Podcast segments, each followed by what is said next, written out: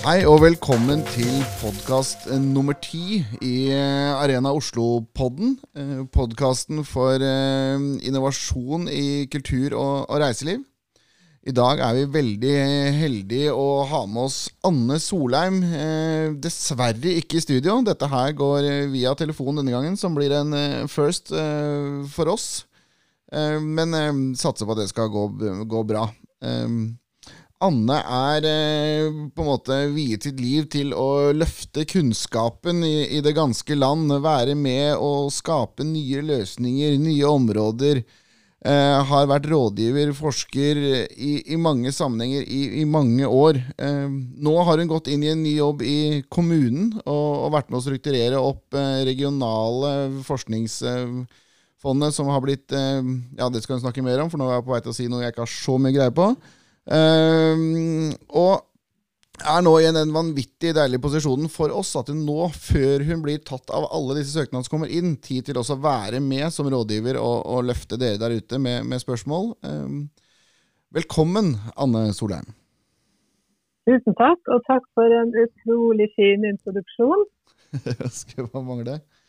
Um, ja, Roar Smelhus sitter jo ved din side, Tormod, så jeg sitter og observerer her. Og skal prøve å komme med noen kloke innspill innimellom. Uh, vi kan egentlig starte litt med deg, med deg Roar, uh, i dag. For vi var jo så heldige å ha Anne også med på et, um, på et lite miniseminar hvor vi testet nede på, på Åpent i, i Bjørvika. Um, hvor vi fikk en gjennomgang av um, det som ligger i paraplyen til, eh, til, Anne der. Kanskje du kan si litt om hvordan du opplevde det som eh, på en måte deltaker? Jeg syns det var en bra, bra samling. det, Nå har ikke du forberedt det veldig, veldig godt, men uh, det er jo kanskje andre som har tid til å høre på podkast enn de som var på, på, samlingen der. Så kanskje du kunne bare tatt noen korte ord om, om hva vi gikk igjennom? Det er jo hele podkasten. Nei, men nei, nei, det er ikke Nei, men bare Nei, det er, det er, ikke det. Jeg tenkte bare Ja, ok. Nei, men Bare ta litt hovedtanken med den, den, samlingen, da. For det var jo en bra kombinasjon av det du la frem, og det Forskningsrådet la frem. For, for meg var det nyttig. Eh, men en liten intro til det. Kan du gjøre det? Anne? Ja. Ja, ja, ja.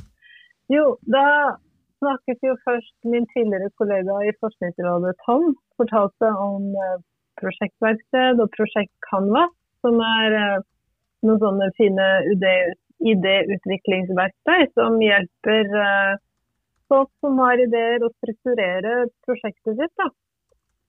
Og så fortalte jeg om regionalt forskningsfond Oslo etterpå, og hvilke muligheter som ligger i det. Eh, vi har et policy-dokument, det høres veldig kjedelig ut kanskje, men det er det som er på en måte vårt oppdrag. Eh, og så fortalte jeg litt om de forskjellige utlysningene vi har ute nå, hva vi støtter og ikke støtter. Eh, og Det regionale forskningsfond Oslo vil ha, det er jo brukerstyrt forskning. Så vi vil at næringslivet og offentlig sektor sjøl skal søke, og forskerne hjelper næringslivet å finne ut av de, tingene som næringslivet trenger å finne ut av, eller bransjen deres. da. Man kan jo tenke at det er, eh, er, litt barrierer å sette seg inn i dette for folk som ikke jobber med forskning, men der har dere laget et verktøy som dere for så vidt gikk igjennom uh, i den samlingen. Jeg har gjort noen søknader tidligere, så jeg er litt kjent med begrepene og hvordan man jobber frem en søknad. Men uh, hva tenker dere? Er det, Syns dere det er barrierer, og hvordan ser dere på søknaden som kommer inn? Er det mange huller, eller er folk ganske flinke til å svare ut basert på Canvaset? Ja, nå har vi akkurat første, fått inn de første 18-20 søknadene. Eh, og det jeg kan si er at det er jo mange som ikke er så veldig flinke til å fortelle hvorfor de trenger forskning til akkurat dette. da. De har noe de skal finne ut av, men de klarer ikke helt å få fram hva forskningens bidrag er, eller hvorfor man trenger forskning. Så den FoU-delen av eh, prosjektene kan ofte bli bedre. Hva skal til for å få til det? Tenker du da tettere dialog med forskerne, rett og slett? Eller er det eh, andre metoder å få det frem på? Ja, gjerne ha en forskningspartner. Hvis, hvis du selv ikke har forskerkompetanse eller forskningskompetanse og erfaring i bedriften, så er det et veldig godt råd å knytte til seg eh, et forskningsmiljø eller noen som har det. Og så må det stå i søknaden at det har vi med oss.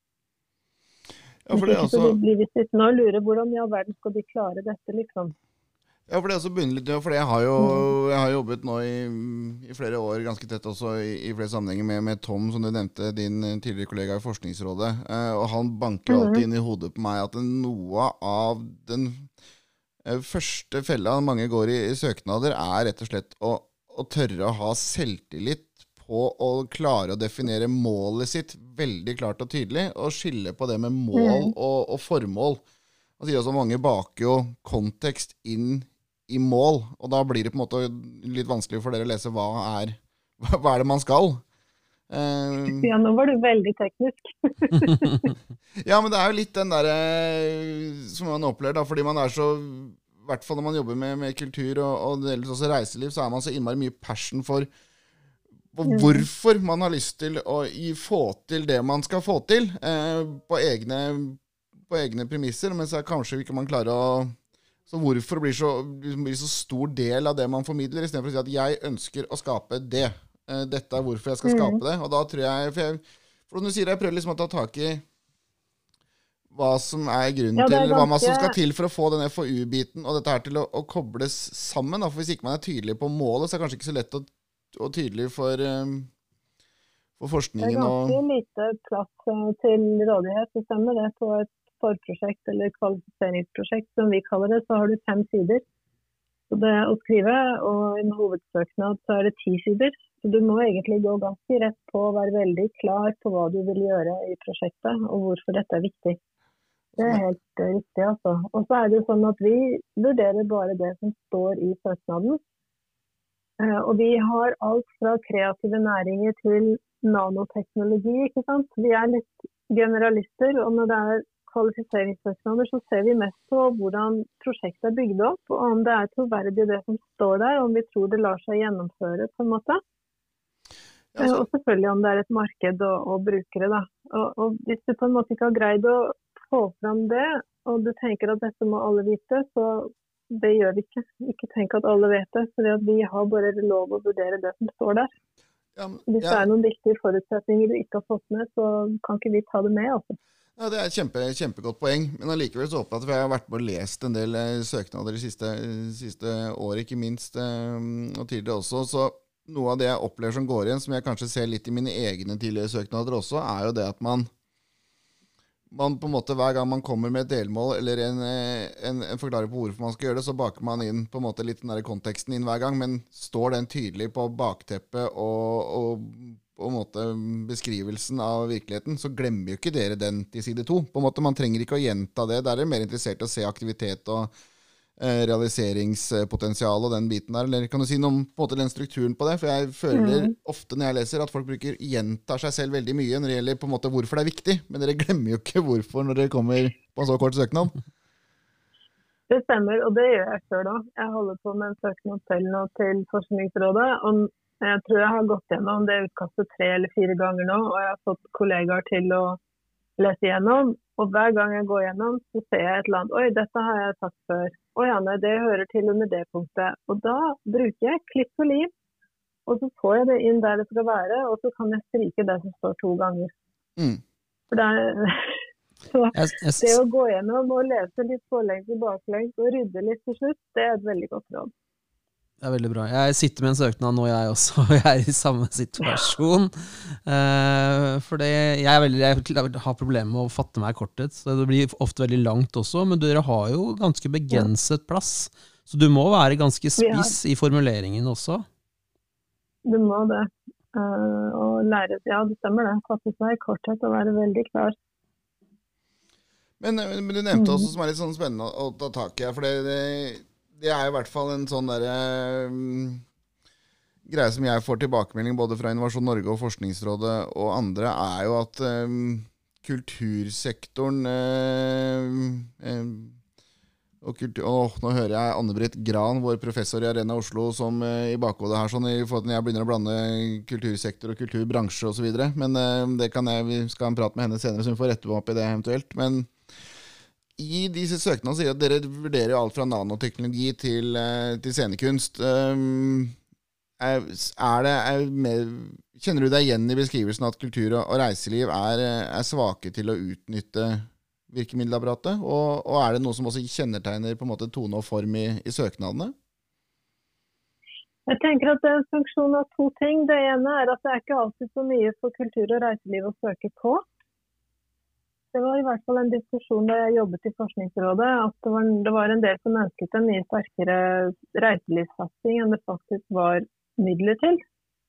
Eh, og det andre er hva kan man søke på, hva kan man forske på, hvor ligger egentlig innovasjonsmulighetene eller behovene her. For det er klart det er åpne programmer Eh, som kultursektoren og kulturbransjene kan søke på.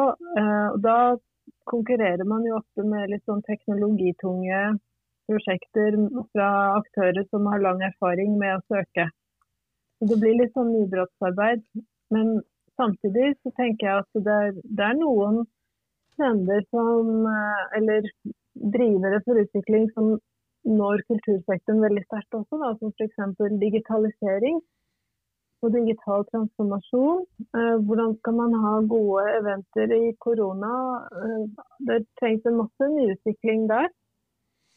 Ja, og Det også er litt sånn spennende å ta tak i. for Det, litt av for det, det er så mye du sier nå som jeg har lyst til å grave videre i, men for å prøve å strukturere det litt. Det, det første som jeg kan ta, egentlig er jo et begrep som alle som går inn i virkemiddelapparatet, møter, er jo innovasjonshøyde. Og det bruker i hvert fall gjengen Innovasjon Norge som om det skulle vært eh, Jeg tar gjerne én øl til, eh, så naturlig. Men det er jo ikke alle som nødvendigvis skjønner hva det som ligger i innovasjonshøyde. Og, og der kan jo selvtilliten sprekke allerede der.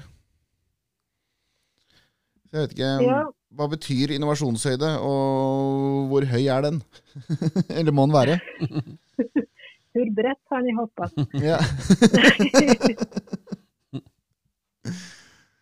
Uh, de, det er, Innovasjonshøyde er veldig viktig for virkemiddelapparatet. for Vi skal på en måte ikke finansiere ting som bedriftene kan gjøre sjøl uansett. Og vi skal ikke finansiere den utviklingen som man uansett må gjøre som en del av den daglige dansen. ikke sant? Sånn at når, når vi sier innovasjonshøyde, så må det være noe utover det bedriften vanligvis gjør. Det må være et litt sånn ekstra stort løft. En ny stor idé som man ikke har kapasitet eller krefter til å løse alene. Det er, det er, det som er innovasjonshøyden for oss. Eh, og så finnes det jo sånne skalaer og litt sånn vitenskapelige måter å vurdere innovasjon og innovasjonshøyde. Da. Og en av de skalaene ligger faktisk til grunn for hele virkemiddelapparatet og statsstøtteregelverket. Og det er noe som heter TRL-skalaen, Technology Readiness Level, som faktisk er utviklet av NASA. Og Den begynner med grunnforskning og ting man ikke vet, og så ender den med kommersialisering og markedsføring. Og Jo tettere du kommer på markedet, jo mer utvikla er produktet, jo lavere er innovasjonshøyden, og jo mindre støtte er det mulig å få. Mens jo tidligere i et innovasjonsløp på å gjøre helt nye ting du er, jo høyere støtte skal det teoretisk være mulig å få. Eller jo viktigere er det at samfunnet investerer for å ta ned risikoen. Ja, der, der, dro du det heldigvis litt ned på slutten her, for når jeg skal prøve å gjøre det ufarlig ja. å søke, så, det var, så, er ikke begreper som NASA det som eh, Det er ikke mange i Kultur-Norge som, som, kommer fra en tidligere jobb i NASA, for å si det sånn. Det er mye smarte folk, det er ikke det jeg prøver å si, men eh. Jeg vet jo at sånn som Innovasjon Norge er jo veldig opptatt av ny teknologi, og det, det skal liksom være teknologidrevet, og det skal også være et internasjonalt potensial og det skal være skaleringsmulighet. Har, har dere samme, de samme kriteriene, eller er det litt andre kriterier? Og hvilke temaer er det du bør ha med deg? Jeg tenker sånn som Bærekraft og samfunnsansvar er en viktig del, men er det andre ting vi burde passe på? Ja, altså, Innovasjon Norge er jo mye opptatt av kommersialisering og næringsutvikling eller bedriftsutvikling. Vi har jo litt sånn forskning som vårt formål. Så vi er, vi er, mer opptatt av forskning og hva er det av ny kunnskap du har behov for som ikke finnes fra før. Hva er det du skal gjøre som ingen har gjort før? på en måte. Det er litt viktig å få fram i våre søknader eller i søknaden til oss. da. Men allikevel så blir det jo på en måte Ja, for det er der også jeg føler, opplever litt at det virkemiddelapparatet gjør det litt komplisert for seg sjøl for oss å forstå, er jo når du også sier tidlig at det går en mye mer nå fokus på bruk, brukerstyrt forskning. Men på en måte det er viktig å ha det forskningselementet tydelig. og så kan man jo måtte ha noen fordommer, og det tror jeg også henger igjen faktisk litt oss en del forskere, er at man forsker på en måte på, for, for, forskningen sin skyld, og skal ikke blande forskning med kommersialitet. Men allikevel, når man putter inn brukerstyrt forskning, så skal det jo komme et, eh, et utbytte man kan uh, agere og, og, nyttiggjøre seg av etterpå. Uh, så det kan jo mm. være litt, det kan jo være vanskelig å formulere seg, eller oppleve at man formulerer seg riktig der, da det er veldig mange ideer om hva forskning er og hva forskning kan brukes til. Og det er klart det er no, noe som eh, Noen forsker for forskningens egen del, og jeg tenker fordi de bare er så glad i å finne, finne ut, ut, av nye ting. Men jeg tenker at det er ikke den forskeren du har lyst til å ha som samarbeidspartner i ditt prosjekt. Du har lyst til å ha den forskeren som er litt mer nysgjerrig på livet. og litt mer Eh, nysgjerrig på den virksomheten du holder på med, og hvordan, kunnskap, hvordan, de kan bidra med å finne den kunnskapen du trenger for å gjøre noe helt nytt og ja. skape ting sammen med deg. Det er den forskeren du vil ha. Ja, og Det er litt sånn som det jeg har opplevd. Jeg har jo funnet noen av de opp gjennom de siste årene nå. Men det er også, tenker jeg, at som kan være kult for kulturen, er jo For de er jo ofte flinke til å i hvert fall definere hva de har lyst til, og hvorfor de har lyst til å gjøre det. Så kan man som vi snakket om mm. tidligere, jobbe litt med å, formulere målet enda mer konsist. Og så trenger man ikke nødvendigvis, som du sier, det er vanskelig å, å lese ut av noen søknader hva, hvorfor skal det forskes. Men der mener jeg at, som, som du også for så vidt sa tidlig, at det, eh, og der kan jeg, Arena Oslo være en soleklar hjelp i det å, å koble på en, en, forsker eller en utdanningsinstitusjon tidlig og si dette har jeg lyst til å få til. Eh, kan ikke mm. du formulere forskningen inn mot det, sånn at det blir tydelig den mm. veien der? Sånn, for da kommer det inn på begreper som arbeidspakker og alt mulig som ikke er dagligtale for de som leverer kultur- eller reiselivsnæring, men som er dagligdags for, for, forskerne. Så da kan heller Litt som jeg prøver å komme fram til, Man trenger ikke nødvendigvis å skrive alt selv. Man kan bruke de ja. inn eh, i det. Det er helt riktig. og Du kan få god hjelp til å lage struktur på prosjektet ditt av en forsker. Men jeg tenker, eller av dem som skal være forskningspartneren. Men jeg tenker at det er, mange, det er mye prosjektarbeid i eventbransjen. Lager man ikke prosjektplaner eller en eller annen liste på hva, hva som skal gjøres når, når man setter opp en forestilling eller en konsert eller sånn? Det er jo ikke så, så, stor avstand, egentlig. Det er jo ikke det. Det er prosjekter, og man planlegger prosjekter uh, uavhengig på en måte ja. bransje. Så det er jo det samme egentlig her, vil jeg tenke. Ja, det er jo mye av det, men allikevel tror jeg mye av de prosjektene som går på produksjon, er jo ting man er kjent med. Og det blir mer enn sånn at man kjører prosjektet som en, som en sjekkliste. Altså det Både kartet og stien er litt lagt. altså Man uh, dobbeltsjekker med at man har uh, gjort de riktige tingene underveis. Nå skal man prøve å tenke litt nytt. og Igjen så kommer vi litt tilbake til litt selvtillit, tror jeg. At man tør å tro på at det her er noen som, uh, som er villig til å betale for. Men en annen ting som jeg mm. føler også kan være litt utfordrende, og det merker jeg kjempe selv også inn i, inn i Arena Oslo, som driver på en måte med å jobber for innovasjon i, i kultur og reiseliv. Og, det, og det, møter, det, kjenner jeg på, og det har jeg utfordra Innovasjon Norge på et par ganger også, er jo at eh, reiseliv og, og, kultursektoren kan jeg også, selv om jeg er dypere inn i det nesten alle i, i kulturnæringen, er jo det at det, vi blir jo sammenligna, som du sier, med de som eh, skal finne opp the, the next gadget innen nanoteknologi, olje, energi, som skal bli milliardindustri internasjonalt.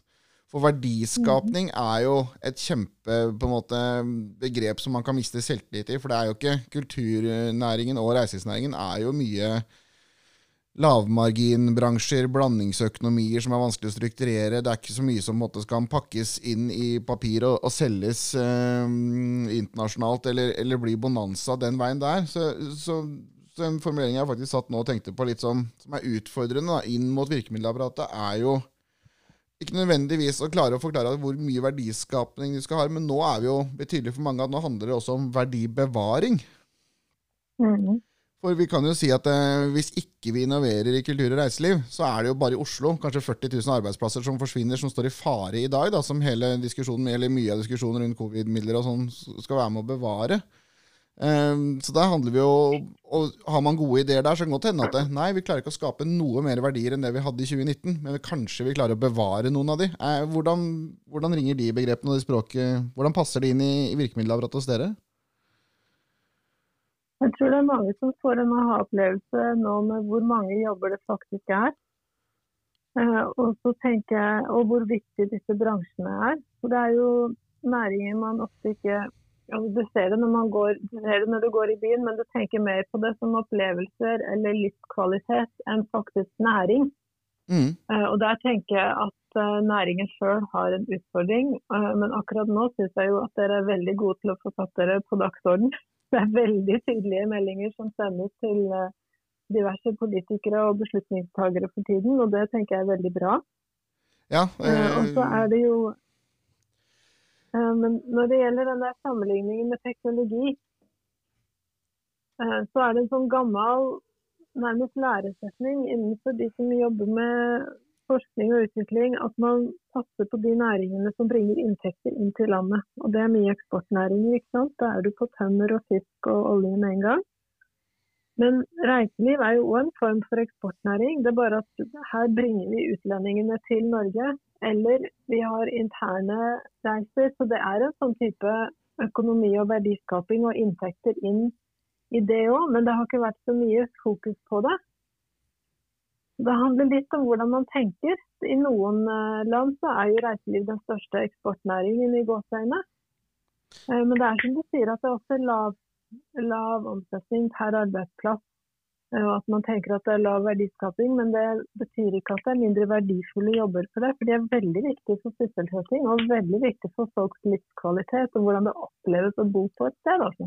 Og det er dere også på en måte mottakelige for å, å, lese med de brillene. For jeg opplever noen ganger tilbakemeldinger, men eh, ikke nødvendigvis fra Næringsbyrådet, men fra, fra Innovasjon Norge, at det her er det kanskje for lite verdiskapning. Men sånn, ja, men hvis vi nå vet vi det at vi er i et paradigmeskifte både på digitalisering og landegrenser og mobilitet og alt mulig, så vi risikerer å miste veldig mye. Så det er ikke sikkert vi klarer å skape så mye på toppen av det vi har. Men det vi har, står i fare. Og det er ikke alltid vi, det, det passer inn i den malen. da. For Det skal helst stå potensial til å tjene 10 milliarder til for Norge. Og det er jo ikke så veldig mange kulturaktører som vil klare. Jeg liker veldig godt den Nei. du sier om, om livskvalitet. Uh, for det, tippet sånn helse uh, er jo utrolig viktig. Og jeg tror jo mange mm. i denne tiden her uh, har det litt, uh, litt, tøft. da. Og at vi da mister mm. disse møteplassene og det kulturen representerer, er jo utrolig trist. Så jeg tenker også i, også i søknads... Ja, sånn I søknadssammenheng her så vil vel det med livskvalitet også kunne være et bra kriterium å innovere innenfor? Mm. Ja, men jeg tenker at det dere peker på med, med, med teknologifokuset, det er, sånn, det er en, nesten en sånn uh, systemfeil. Ja. Uh, og den er ikke så lett uh, å få gjort noe med på lavere nivå. For der sitter man og utfører bestillinger. ikke sant? Da må man faktisk snakke med de som bestemmer. og det er jo næringen slik til for tiden.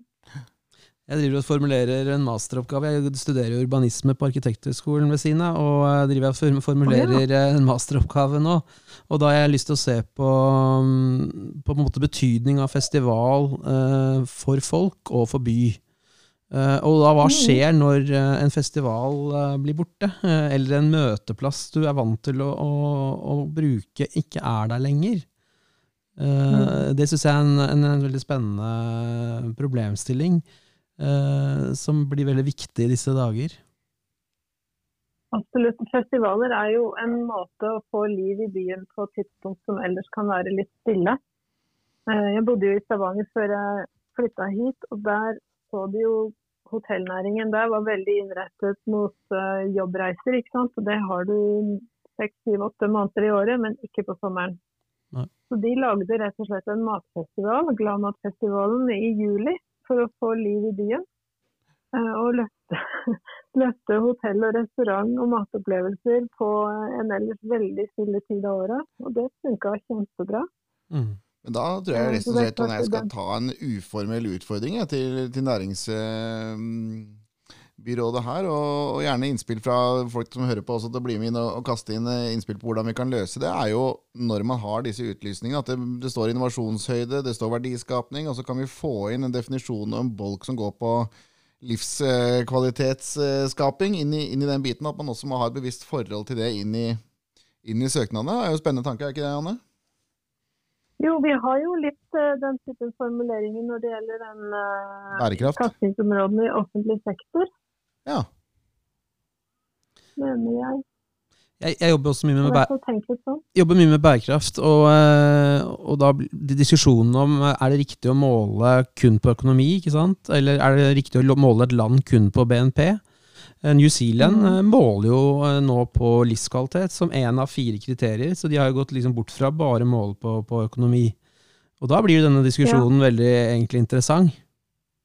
Mm, og veldig mange har jo begynt å jobbe etter FN sine bærekraftsmål, og de handler jo mye mer enn eh, økonomi. Eller de handler jo om nesten alt mulig annet. Ja.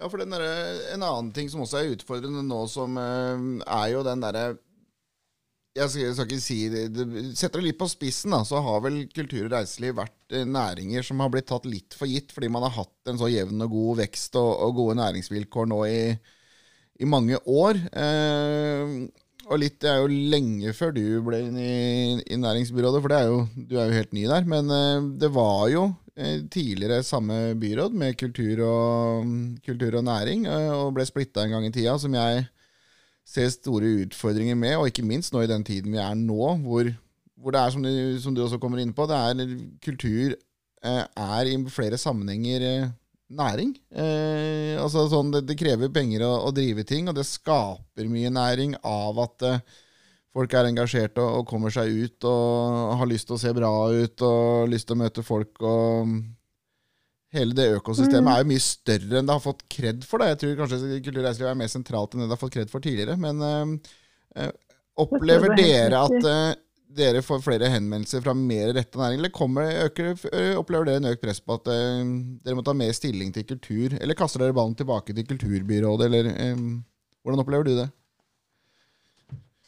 Um, jeg er jo i den avdelen næring og eierskap som har med skjenkebevilling og har veldig tett kontakt med Oslo restaurant og utesteder. Så her er det veldig fokus på den næringen nå. Også. Og det er jo ikke lenge siden byråden vår var i møte med statsråder. Og, ikke sant? Ja, er, eh, jeg vet jeg sitter i den styringsgruppa der, ikke styringsgruppa, men den der, det rådet der selv. Og jeg det er kjempespennende, den takhøyden som er der. Jeg, jeg er beundringsverdig der. Syns jeg byrådet også gjør en kjempegod jobb med å inkludere og, og ta imot på en veldig Mm. Veldig god måte. For det siste møtet jeg var med på, hvert fall, så ble det, det er veldig altså Kulturnæringen klar, tør å være veldig tydelig inn der. Og jeg syns dere klarer å, å, ta imot det på en, på en, god måte. Så er det jo aldri alle som blir mm. fornøyd med hva som kommer ut på andre enden, men det er jo ikke nødvendigvis at man har muligheten til heller.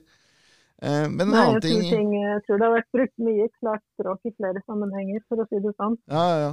Men en annen ting som jeg tror kan være hjelpe kulturnæringen til å få mer skjønne at de, de, kan gå litt mer etter noen av de innovasjonsmidlene eh, eller virkemiddelapparatet som kanskje ikke faller umiddelbart naturlig, er jo når det står at det her er en reiselivsordning, for det, kommer, det har det kommet flere av med sånn tydeligere fokus på at man ønsker reiselivsaktører til å søke.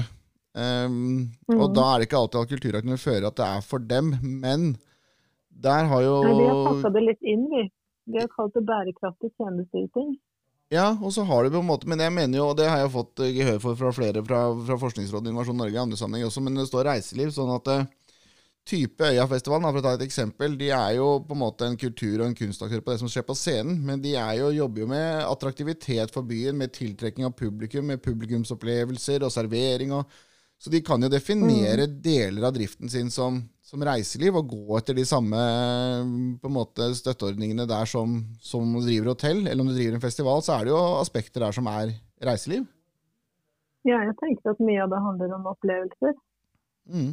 Og at det er en litt sånn totalpakke.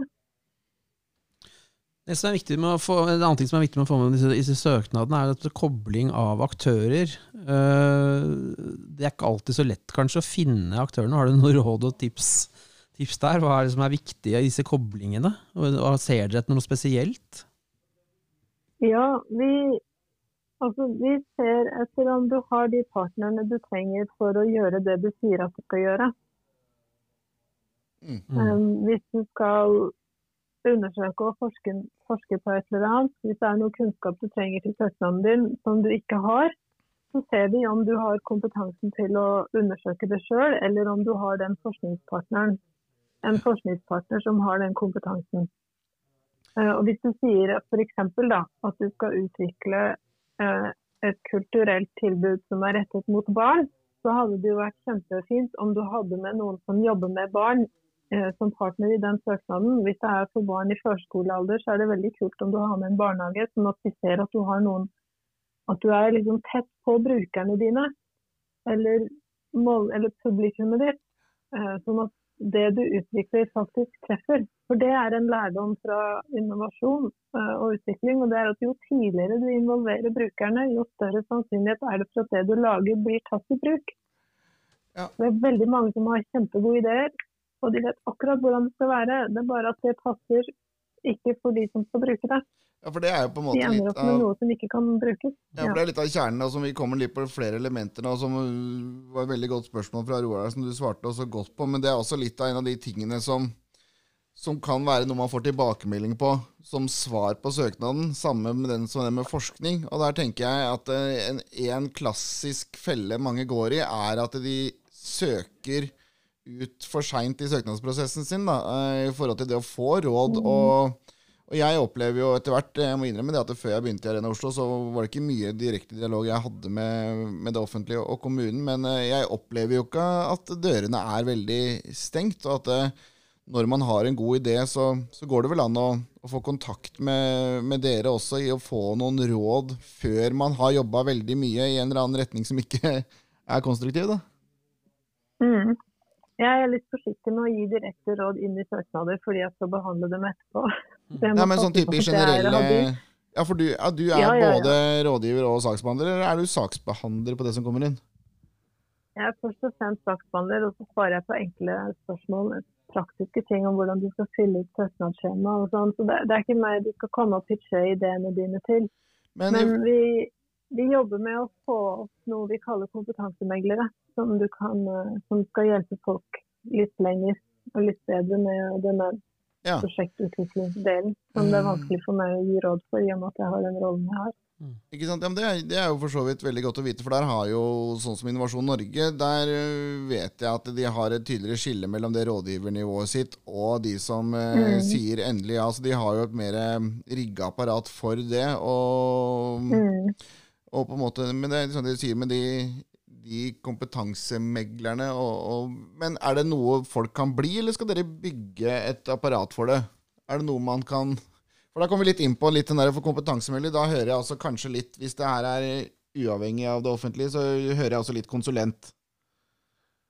Skjønner du hva jeg vil hen? Ja, ja, vi skal På For tiden er det fire kompetansemeglere som jobber i Oslo. De jobber eh, i det gamle Oslo og Akershus. Eh, Og fra nyttår så skal vi få på plass kompetansemeglere som jobber i Oslo. Eller for Oslo. Men det er offentlige ansatte? Men det er satsingsområder. Nei, det blir lyttet som konsulentoppdrag. Ja. Eh, Og da, da skal vi være litt nøye med hva slags folk vi trenger. Vi trenger folk som både kan eh, jobbe godt med næringsliv, som kjenner forskning og som kjenner virkemiddelapparatet. De vokser ikke helt på trær. Jeg har jobbet en del mot Enova, Mm. og Enova hadde en sånn Ja. Enova svaretelefon eller noe sånt, som du kunne, når du satt med en søknad, så kunne du få litt råd via den telefonen, og det var en sånn type rammeavtale de utlyste, og der var det eh, Mm. flere år eh, rådgivende ingeniører som, som satt og svarte opp for, for Enova, da. Ja. Men det er fint å kunne stille noen spørsmål underveis i en sånn prosess, og det høres jo positivt ut. Mm. Men det, det jeg tenker på som er, vi, vi nærmer oss på en måte mm, slutten på tilmålt tid. Men eh, det som også er et tema som, som dukker opp, eh, eh, er jo hvordan opplever dere er det noe, Ser dere noen korrelasjon mellom de som bruker eh, eksterne konsulenter for å skrive søknader, opp imot eh, folk som skriver det sjøl? Eller hva, hva er er deres holdning til det? Nå vet jeg at du har jo mye mer erfaring fra Forskningsrådet der, men utfordringen er den samme. Vi vet jo ikke hvem som skriver sjøl og hvem som bruker konsulenter, for det står ikke konsulentnavnet på de søknadene vi får inn. Jeg er sikker på at du kjenner igjen et par der. Ja. Nei da, men eh, som en sånn grunngreie er det Jeg opplever jo at nødvendigvis at det er ikke så komplisert selve den utfyllingen av søknadene, men så vet jeg at arbeidet ligger jo bak, ikke nødvendigvis i selve utfyllingen, men eh, Ja, jeg tenker at den som kjenner ideen best, er jo du sjøl, eller bedriften som søker, da. Eh, og at man kommer langt med litt hjelp til å strukturere, og hvis du har en forskningssamarbeidspartner, så kan de dette veldig godt. Og da tror jeg egentlig ikke du trenger å bruke konsulent. Og Hvis du vil bruke en rådgiver, hvis du ser at dette har du ikke tid til å gjøre sjøl, så er det klart du kan få noen til å skrive det for deg, men se litt på hva slags avtale du får. Noen konsulenter tar betalt for den tiden det tar å skrive, eh, og det tenker jeg er en realistisk betalingsmodell, mens det finnes andre som vil ha en andel av den støtten man får. Det er en modell som jeg er litt skeptisk til. Eh, for da risikerer du å betale veldig mye for noe som ikke hadde trengt å koste så mye. Og så er det jo ikke sånn at den offentlige støtten går til konsulenten, den offentlige støtten går til prosjektet. Hvis du har betalt for mye for å få det prosjektet, så kan du få litt sånn uh, likviditetsutfordringer med å gjennomføre prosjektet, da. Jeg nevnte bare, for Vi nærmer oss slutten her, sånn, jeg tenkte bare ta en liten sak med at du sitter der du, du, sitter også, fordi du kjenner da til den Smart Oslo-pakk, eh, virkemidlet. Mm -hmm. Nevnte det så vidt sist, fordi jeg har prøvd å, rigge, rigge søknad til det. Vi har jo også, vi har også gjort noen søknader Tormod, eh, til det programmet. Men det jeg har opplevd eh, i det siste, fordi det, den krever litt sånn spesiell det, eh, kombinasjon. Det skal jo være en næringslivsaktør, så skal det være en ja. etat, og så skal det være en forskningspartner, en akademisk partner. Uh, mm. så, men da er det viktig, eh, tenker jeg, at den kommunale etaten også er interessert i å bli med på dette samspillet med nettopp de to andre aktørene. Ellers så får vi ikke uh, brukt det programmet. Det stemmer, det. Det har jeg opplevd et par ganger. Er. Ja. At, at, den kommunale etaten ser liksom ikke behovet uh, for å, å, samhandle med en næringslivsaktør og en akademisk partner. Så da får man jo egentlig ikke brukt det programmet, selv om det da egentlig er tenkt for å stimulere nettopp det trepartssamarbeidet. Det var vel egentlig en utfordring i internkommunikasjon, det vi, det kom med der, egentlig. Ja, kanskje. Ja, har du prøvd å spørre hva de er interessert i? Hva den kommunale etaten er interessert i? Det her er jo tenkt at, at uh, offentlig sektor eller kommunen kan stille seg til rådighet som testarena for teknologiutvikling. Men det, det, som man gjør, bør det jo være bruk for, da. Ja. Jeg tror det kanskje kan være lurt å ha en liten dialog om what's in it for me med den kommunale etaten også. Ja, det er ikke sikkert det skal så veldig mye endringer til før de faktisk biter på kroken. Ja, det, tror jeg, ja, det tror jeg er et godt poeng. Så tror jeg også, når jeg har sett på de, de, papirene som er der, at det kan hende det er enda tydeligere å gjøre en trygghet på at eh, denne, bruk av denne ordningen ikke har de samme kravene til sånne offentlige anbudsregler på innkjøp nødvendigvis. For det her er jo på en måte en, en test, testordning, ikke noe man binder seg til på sikt. Men det er jo på en måte, det er, jeg vet det er jo en prøveordning, mm. eh, den Smart Oslo-fondet. Så det er nytt for mange. og Oslo kommune er jo en vanvittig svær uh, maskin. Det, det, er veldig redd. Ja, jeg har aldri hatt så stor arbeidstider. Nei. Det er jo ingen i Norge som har omtrent. Nei. og de, og de vokser, vokser, også, så de tar jo en del av disse oppgavene på en måte selv. Så det er, ja, men det er bra tips. Uh, veldig bra tips. Men jeg tenker jo altså, det, med det trippel helix, altså det samarbeidet trenger vi for å, å få til den omstillingen vi, vi skal da, på spennende temaer. Mm, ja, det, det, er veldig viktig. Ja. Men uh, på slutten her, uh, Anne. Hvis du Det sitter folk og hører på oss nå som har en idé, de har begynt å skissere opp eh, en, en, retning på hvor de skal hen. for å få med Oslo på laget og, og, midlene du sitter på, har du tre gode råd til, til veien til mål? Vær tydelig på hva du skal gjøre, og hvorfor dette er nytt. Eh, hva som gjør det nytt, eh, og hvorfor det er viktig. Hva som ligger i verdiskaping av det for bedriften eller for din virksomhet videre, eh, og samfunnsnytten. Det er ja. i grunnen det. Også, ja. Det høres jo så fryktelig enkelt ut, men eh, jeg tror det er enklere enn det mange tror også. Så det her er vel eh, et eller annet midt imellom. Og så har jeg et avslutningsspørsmål som jeg har dratt, begynt å dra til de, de fleste nå. er jo sånn, Du har jo holdt på med rådgivning og forskning og inn i denne type tematikk nå i, i mange år. Hva er det som driver Anne Solheim til å stå opp om morgenen og holde på med det du gjør? Jeg er veldig glad i å treffe folk. Jeg syns det er så morsomt å treffe folk med alle mulige slags bakgrunn, og som holder på med ting jeg aldri har hørt om. Eh, så jeg lærer masse gjennom å møte de menneskene som jeg kommer borti. Eh, og så føler jeg jo at det er litt meningsfullt, da. Rett og slett. Det er veldig deilig å høre. Veldig bra. Takk for praten. Og tusen hjertelig takk for at du, du stilte opp, og så håper jeg det har vært nyttig for alle dere som hører på også. Ja, sjøl takk, og takk for at jeg fikk være med. Tusen takk. Ha det.